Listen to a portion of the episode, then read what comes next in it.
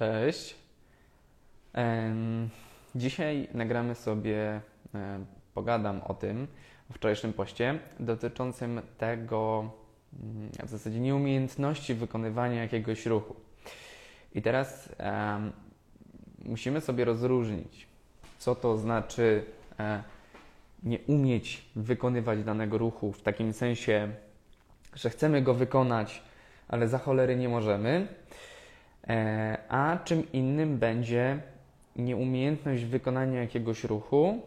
Mm, w takim kontekście mamy jakiś wzorzec przysiadu i nie umiemy go wykonać idealnie tak, jak jest na obrazku, bo to są kompletnie inne rzeczy. Dajcie tylko znać, czy e, mnie słychać. Dobrze. Słychać czy nie słychać, moi drodzy? Dobra, liczę, że słychać. No dobra, słuchajcie, pozapisywałem sobie pytania ekstra. Dzięki. E, pozapisywałem sobie pytania, które mi wysyłaliście w wiadomościach prywatnych, także e, wplotłem je, że tak powiem, w rzeczy, na które, e, które, o których mam opowiedzieć. Także powinno być wszystko ok. Dobra. No więc słuchajcie, co to znaczy nie umieć wykonać danego ruchu? I możemy to rozpatrywać w takim aspekcie, że na przykład mamy gdzieś na obrazku lub widzimy na YouTube jakieś ćwiczenie i my je chcemy sobie wykonać, natomiast ono jakoś inaczej wygląda niż na tym filmie. Że my robimy jedną, a wygląda to w inny sposób. I teraz, czy to oznacza, że to jest niepoprawne?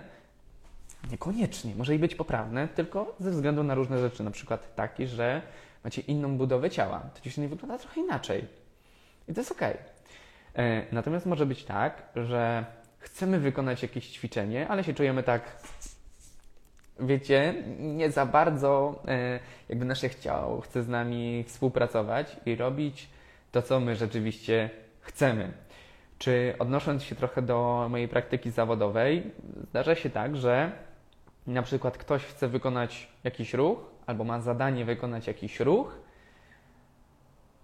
ale brakuje motywacji, jakoś tak się nie chce. Jakieś do dupy takie to ćwiczenie. I on w sumie nie ma motywacji, ten człowiek, żeby takie ćwiczenie wykonać prawidłowo, więc to jest też zupełnie coś innego. Um, no więc słuchajcie, no, powinniśmy sobie też odpowiedzieć na pytanie, czy istnieje coś takiego jak taki idealny, prawidłowy ruch i taki totalnie nieprawidłowy. No, ja bym powiedział, że nie. To znaczy, jeżeli odnosimy się do czegoś, czyli mamy jakiś wzorzec pod tytułem przysiad i mamy człowieka, który wykonuje dany przysiad, no to można powiedzieć, że jest on poprawny, bo my chcemy, żeby tak wyglądał. Natomiast jak chcemy, żeby wyglądał inaczej, tak go zrobimy inaczej, ale w taki sposób, w jakim my chcemy, to będzie on prawidłowy. ok? Bo my to wszystko odnosimy do jakiegoś wzorca, które albo ktoś sobie wymyślił, albo my sobie wymyśliliśmy.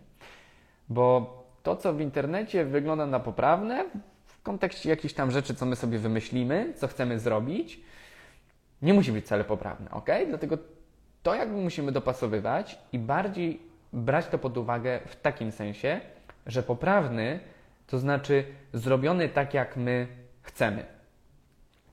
Um, więc w ten sposób. Dobra. I teraz pojawiło się takie, ostatnio przechwyciłem od mojego przyjaciela Kuby, takie stwierdzenie jak, e, jak on to powiedział? E, faszy, faszysta techniki czy coś takiego. Generalnie e, chodzi o to, żeby sobie rozróżnić, kiedy tworzymy jakąś nadinterpretację prawidłowej techniki i takie e, szczegółowe, niepotrzebne się często wpieprzanie w każdy punkt pod tytułem e, człowiek robi jedno powtórzenie, a my w trakcie tego jednego powtórzenia dupa wyżej, kolano do przodu, to nie wychodź, tu proste plecy, tu napnij brzuch, tu coś tam. Bo po pierwsze ten komunikat kompletnie do tej osoby nie dotrze, po drugie pytanie, czy to jest rzeczywiście potrzebne. Dlatego musimy sobie rozróżnić, kiedy tworzymy taką trochę błędną nadinterpretację tego wszystkiego, a kiedy możemy sobie pozwolić na jakiś taki na ten moment nieidealny, nieidealny ten na przykład, rzucam, przysiad. Um, Więc to jest, to jest bardzo istotne. I kiedy my na przykład pracujemy nad. Mm, dobra, dajmy sobie, że robimy przysiad. I cel w tym przysiadzie jest taki, że chcemy mocno obciążyć czwórę. Przód uda. Ok.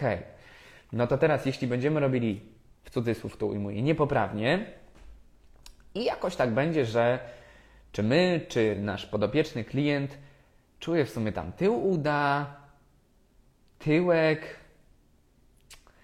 No to teraz ten przysiad jest poprawny czy niepoprawny? No my nie chcemy, żeby pracował ten tył uda czy tyłek, więc dla nas jest niepoprawny, więc musimy wprowadzić korekcję. I teraz hasło na przykład wysuń kolana do przodu będzie ok. Ale jeżeli mamy człowieka, który robi sobie ten przysiad i w sumie wygląda jakoś tak, jakby miał pracować ten tył, a mówi, że go piecze czwóra, to nie poprawiamy go bez sensu jeszcze dodatkowo, skoro i tak mamy taki efekt, jaki chcemy. ok? Też mamy przypadki osób, które po prostu pewnego ruchu nie zrobią. Y, bo trochę na przykład inaczej jest zbudowana 25-letnia baletnica i 55-letni y, napakowany gość. To znaczy, same struktury nie pozwolą na wiele ruchów albo pozwolą na za dużo. Czyli musimy to też dopasowywać do przypadków. Tak samo jak osoba otyła nie zrobi w taki sam sposób ćwiczenie jak osoba szczupła, bo ma inaczej rozłożony ciężar ciała. E, dlatego to wszystko należy interpretować i dopasowywać do danej osoby, bo nie każda korekcja jest dobra, ale są momenty, kiedy tą korekcję należy wprowadzić i jest ona zasadna. E, I teraz tak, skąd bierze się taki niekontrolowany ruch, którego nie jesteśmy w stanie zrobić? Zostańmy sobie przy tym przysiadzie, bo to myślę, że jest takie coś, co większość osób zna. Weźmy sobie na przykład taki przysiad. Mamy wzorzec, chcemy zrobić taki ruch, jak mamy według tego wzorca. Ok. No i teraz tak.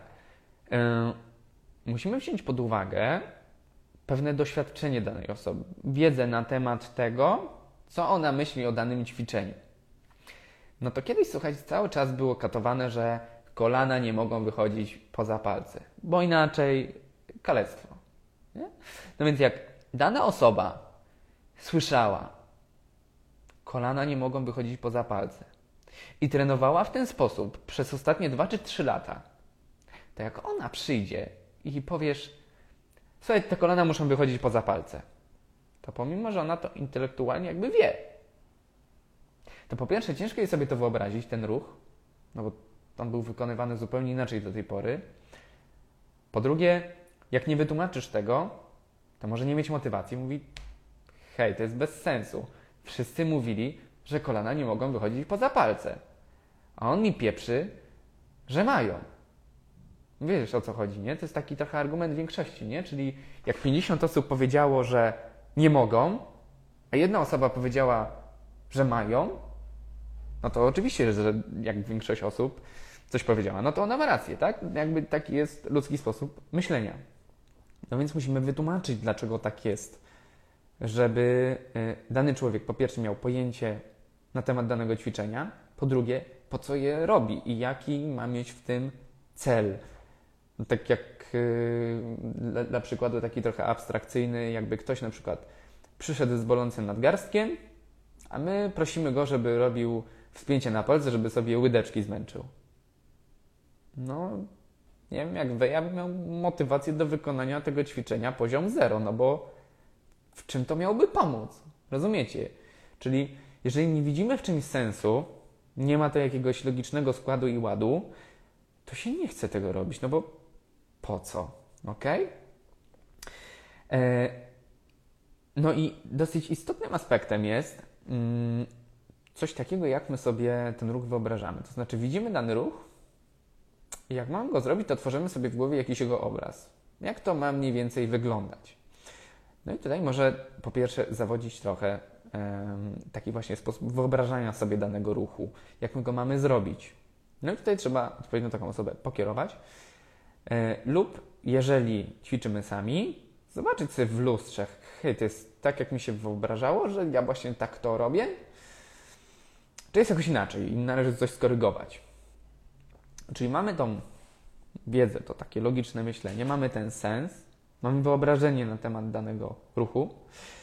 No i e, ostatnią rzeczą jest, trudne słowo, wolinizacja. Czyli generalnie bardzo upraszczając, chodzi o to, że nasze ciało robi to, co my chcemy.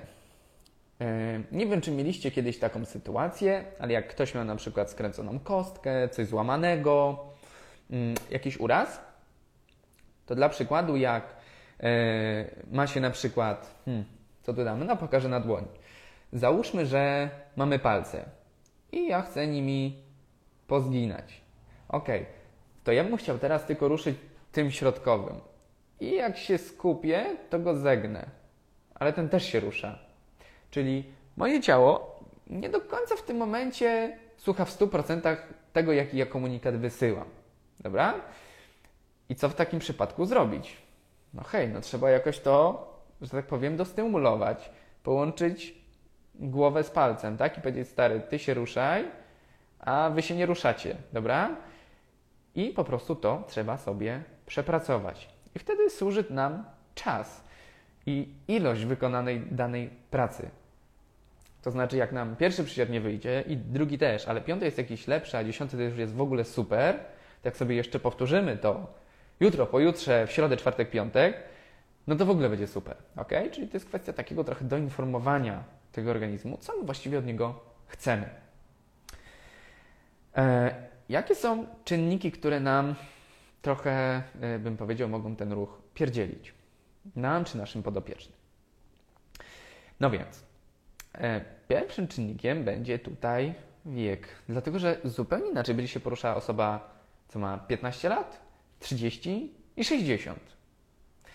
Zupełnie inaczej będzie się poruszała kobieta, która jest bardziej elastyczna, od mężczyzny, który raczej tendencję ma zazwyczaj do tego, żeby był bardziej sztywny.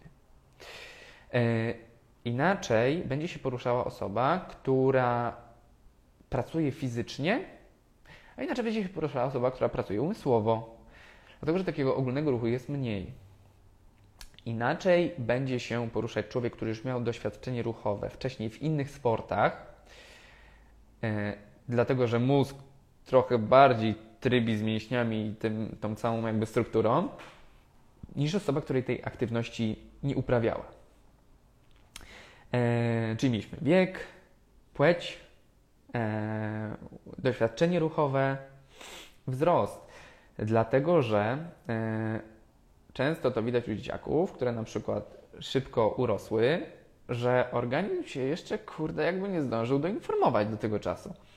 To znaczy, jak mamy e, dzieciaczka, który nagle w wakacje pierdzielno 15 cm do góry, no to może się okazać, że układ nerwowy jeszcze nie zaczął tak trybić, jakbyśmy chcieli. I nie wiem, czy Wy to obserwujecie, ale takie dzieciaki, które na przykład biegały e, mega zwinnie i płynnie, po takim skoku e, wzrostowym jakoś tak zaczynają biegać kanciasto. I to się oczywiście po czasie normuje, natomiast należy na to zwrócić uwagę. Też w momencie, w którym mówimy o takich ekstremalnych przypadkach, czyli osób bardzo niskich albo bardzo wysokich. One mają trochę inne przystosowanie do życia, dlatego że osoby bardzo niskie będą cały czas kierowały się w jakiś sposób ku górze. Taką strategię ruchową ich ciało będzie musiało obrać, żeby jakby odnaleźć się w społeczeństwie, jakby w, generalnie w środowisku.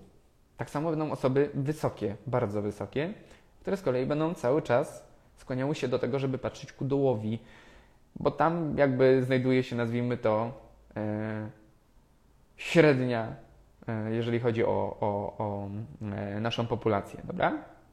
I dlatego też są robione drzwi dla, przeciętnej, dla przeciętnego Kowalskiego i też przeciętny Kowalski ma zazwyczaj między 1,75 m a 1,85 m. Więc my się musimy do tego jakoś dopasować, e, czy tego chcemy, czy nie chcemy. Środowisko to, w którym żyjemy. To znaczy, jak jesteśmy w zaciszu domowym, to sobie zrobimy jakieś ćwiczenie. Ale jak jedziemy na siłownię i jest pełno ludzi i jest ten sprzęt, który hałasuje i się obijają te hantle i jeszcze babka przejeżdża z odkurzaczem obok, a jakiś gość z boku poci się strasznie i tam kwiczy, to może się okazać, że nasz organizm jest na tyle przebodźcowany tym wszystkim wokół, że nie jesteśmy w stanie wykonać danego ruchu i nie cholery, choćbyśmy bardzo chcieli i się skupiali, nie ma opcji. E, dlatego musimy też zwrócić uwagę na to, czy na przykład środowisko trochę nie zaburza tego, że my nie jesteśmy w stanie czegoś zrobić, wykonać. Robimy to trochę gorzej. Generalnie jeszcze wiele innych czynników, natomiast nie chcę tutaj um, mega aż się tak rozpowiadać. To sobie umówiliśmy. Ok, no i mm, to, co mamy jakby na końcu tej ścieżki, to jest walidacja tego ruchu. Czyli jak my go sobie zrobimy, to musimy go jakoś zinterpretować. Czyli czy on był ok, czy nie był ok. I tutaj pojawia się umiejętność, yy, którą powinni mieć e, trenerzy, fizjoterapeuci, specjaliści, e, jakby nazwijmy to w oku i w doświadczeniu, czyli spojrzeć na dany ruch i określić, co może być nie tak. Natomiast jeśli ćwiczymy sami, no to musimy mieć jakieś punkty odniesienia, żeby się odnieść. Czy to jest tak, jak chcę, czy nie jest tak, jak chcę? Czy to powinno być jakoś inaczej? Czy jest, czyli łatwo to umując, czy jest dobrze, czy jest źle? Bo jeżeli robimy coś i nie jesteśmy w stanie zwalidować, czy to było w porządku, czy w sumie to nie wiadomo, no to ciężko to poprawić. Dlatego musimy umieć interpretować dany, dany ruch, żeby móc nad nim później pracować. Um, dobra. Ok. I teraz tak. E, co zrobić, kiedy klient nie rozumie? Pomimo tego, że na przykład pięć razy tłumaczymy dany ruch, no to przede wszystkim należy się zastanowić, hej, a dlaczego on tego nie potrafi? Nie? Bo to może być kwestia tego, że tak jak wcześniej wspomnieliśmy, na przykład struktura mu na to nie pozwala. No nie ma huhu, nie zrobi i już. Yy, może to być kwestia tego, że jest nieodpowiednie środowisko. Może być tak, że nie ma odpowiedniej wiedzy na temat tego ćwiczenia. Czyli mówisz, weź sobie zrób przysiad i robisz przysiad, mu pokazujesz i mówisz, dobra, to rób tak. Ale on nie wie w sumie po co. Nie ma jakiegoś wyobrażenia na temat tego ćwiczenia. Tak jakby, jakbyś mu właśnie pokazał sztuczkę z kartami, on nie wie jak to zrobiłeś, ale jakoś zrobiłeś i mówisz, weź to powtórz. No, no nie powtórzysz, bo nie znasz zasady tej sztuczki karcianej. Okay? Nie, nie, masz pojęcia, jak to się stało, więc możesz się dwoić, troić, a i tak nie wyjdzie ci ta sama karta, którą on wyciągnął. Dlatego należy wtedy wytłumaczyć. Yy, I dojść do tego, skąd to się wzięło. Lub jest jeszcze inna opcja. To znaczy, jeżeli mamy człowieka, już się przyczepmy tego przysiadu dzisiaj, mamy człowieka, robi przysiad, tłumaczysz mu przysiad, piąty, dziesiąty raz nie umie, to zostaw ten przysiad. Jest milion innych ćwiczeń, żeby obciążyć dane struktury w podobny sposób. Albo zrób przysiad leżąc na plecach. Albo zrób przysiad w czworaku. Albo jakoś inaczej. Naprawdę każdy ruch można tak rozłożyć na czynniki pierwsze, żeby po kolei wszystko człowiekowi wytłumaczyć. Lub możesz właśnie zrobić coś podobnego, czyli na przykład Często się zdarza, że wykrok ni cholery. Tragedia. Ale jak zrobisz wykrok i dasz jeszcze coś do trzymania, żeby człowiekowi było łatwiej, to już wchodzi. Okej. Okay. No to katujesz sobie to, co już wchodzi, co idzie ok. I dopiero dajesz, wracasz do tego zwykłego wykroku, że tam za kroku. I człowiek już mówi sobie tak. Dobra to skoro ja robiłem to ćwiczenie w taki sposób do tej pory i to było ok, i tam mnie trochę dubsko piekło jeszcze tu trochę na udzie z przodu, a i to kolano miało być tak trochę do zewnątrz jakby, to to jest mega podobne ćwiczenie. To ja je zrobię w taki sam sposób. I wychodzi super. Bo jak wrzucamy człowieka na głęboką wodę i e, mamy osobę, która przychodzi na przykład pierwszy raz, nigdy w życiu się nie ruszała, Mówimy, słuchaj, zrób sobie tureckie wstawanie, gdzie tam jest milion przejść w tych ruchach. No kurde, może sobie opaść i wstać, nie? Czy to będzie tak, jak chcesz?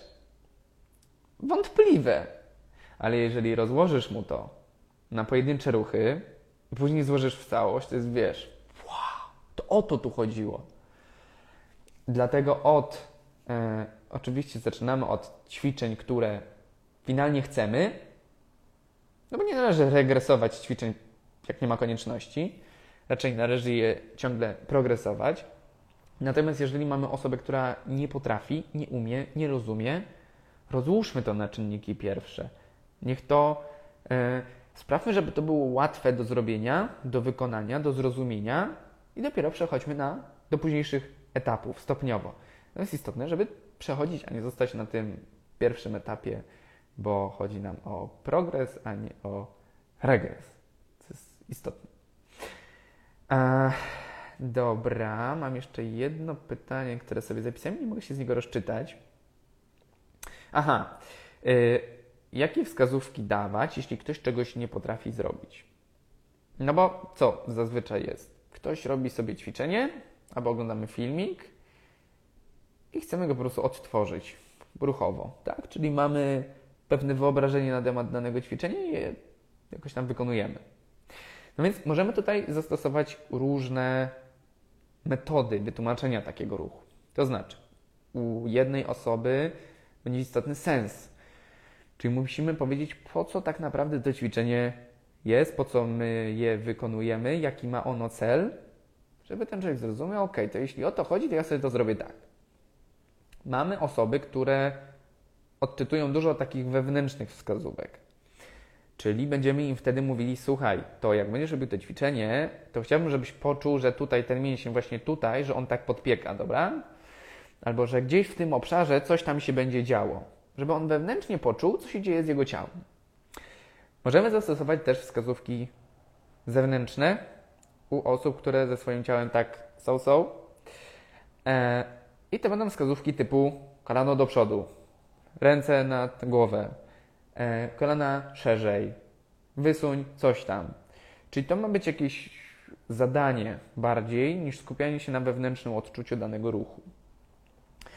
E, więc to mamy to. No i będą też e, osoby, dla których to wszystko będzie nuda. Mm, I będzie istotnie jakiś efekt, cel danego ruchu. Czyli zamiast e, mówić przy przysiadzie kolana do przodu, czy zrób tak, żeby czwóry paliły, czy wytłumaczyć sens, to możemy dać po prostu z przodu jakąś, nie wiem, e, bałek i powiedzieć tak, słuchaj, to jakby włączył mi się e, limit czasu na social mediach.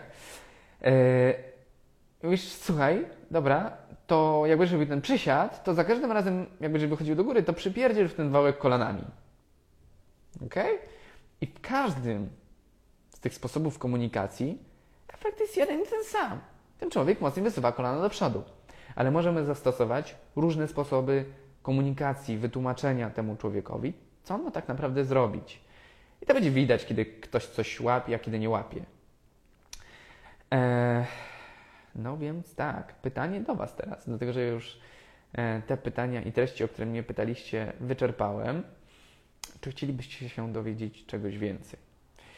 Wiele osób na pewno będzie oglądało też ten e, webinar później, dlatego jeżeli będziecie mieli jakieś pytania, to dodawajcie je tutaj w komentarzu lub u mnie w wiadomości prywatnej, e, żebym mógł na nie odpowiedzieć, jeśli coś będzie dla Was takiego nurtującego. Jeszcze chwilę poczekam, może ktoś coś będzie chciał teraz zapytać.